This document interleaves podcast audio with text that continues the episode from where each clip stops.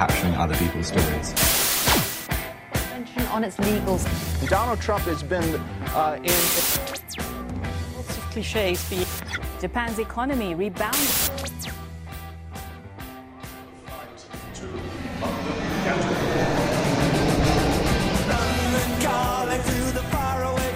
John Carlin, bon dia. Bon dia, Roger. Com anem, John? Tot bé?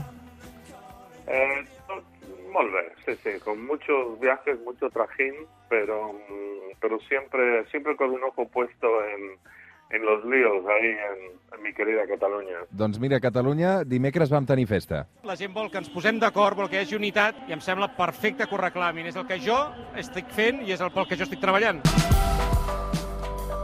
No sé com es va seguir aquest 11 de setembre, una mica diferent dels últims anys, evidentment també pel context. Sí. Des, de, des de la mirada internacional, no sé si fins i tot la notícia va arribar a Londres o ha deixat d'arribar aquestes mobilitzacions massives. No, no, no, no, es- es- esto ya, esto ya no, no, no llega a, a Londres, pero, pero como comprenderás, pues Jerry, creo que no hay que sentirse ofendido, tenemos ya más que suficientes líos eh, nacionales como para estar preocupados por lo que está ocurriendo en otros lugares.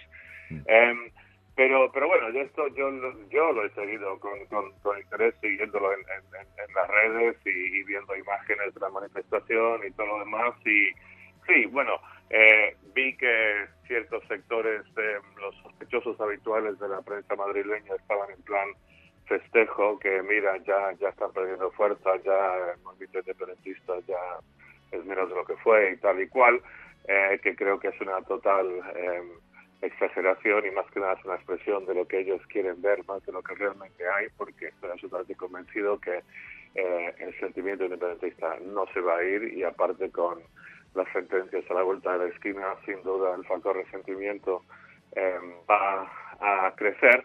Pero dicho esto, quizá eh, lo, lo que vemos es que sí se está, en este momento por lo menos se está diluyendo la, la pasión, la pasión quizás radical que hubo en otro momento.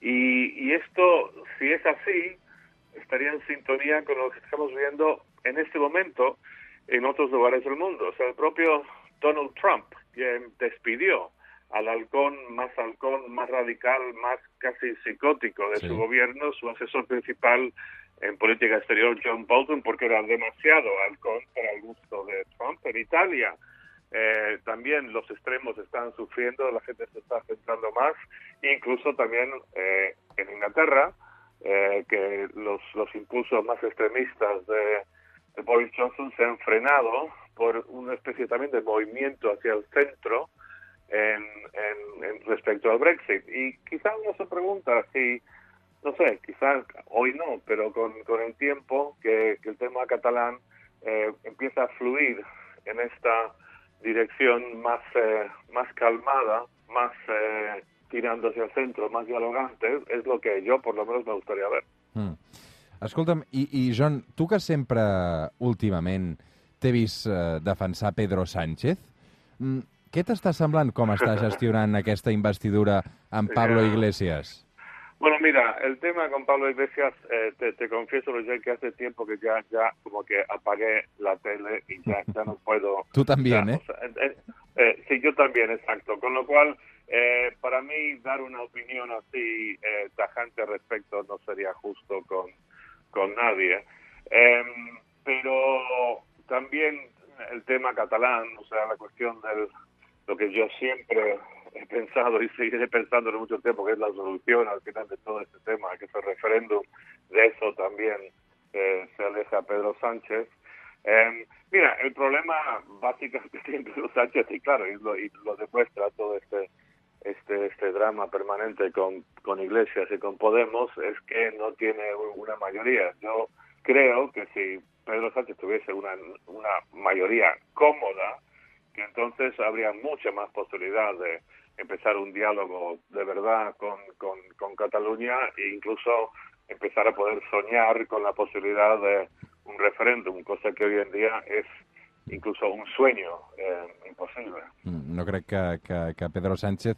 Jo crec que la paraula referèndum dins de Pedro Sánchez eh, forma part d'un malson, més aviat, més que un somni. Sí, sí, sí, sí, sí. Es que, es que bueno, y, y más que nada en este momento, porque mira, yo esto lo he comentado varias veces en este programa. El fondo de todo esto es que en el resto de España lo- lo- los catalanes independentistas en particular, pero catalanes en general, caen, caen mal. Entonces, un político, un presidente de gobierno que está ahí por los pelos sujetándose al poder, eh, no se la puede jugar ni remotamente eh, hablando de, de estas palabras prohibidas, tabúes como, como referéndum. Escolta'm, John, he començat preguntant-te per, per com s'havia vist tot això des de, des de Londres. A Londres, ara mateix, eh, el, el mes de setembre de 2019, què és més conegut? Carles Puigdemont, Pedro Sánchez o Rosalía? Eh, yo creo que, que sin duda, y no solo en Londres, sino que en Estados Unidos y en otros lugares del mundo, eh, sin duda, Rosalía. Y además eh, la tendencia es hacia más Rosalía y menos eh, de los otros.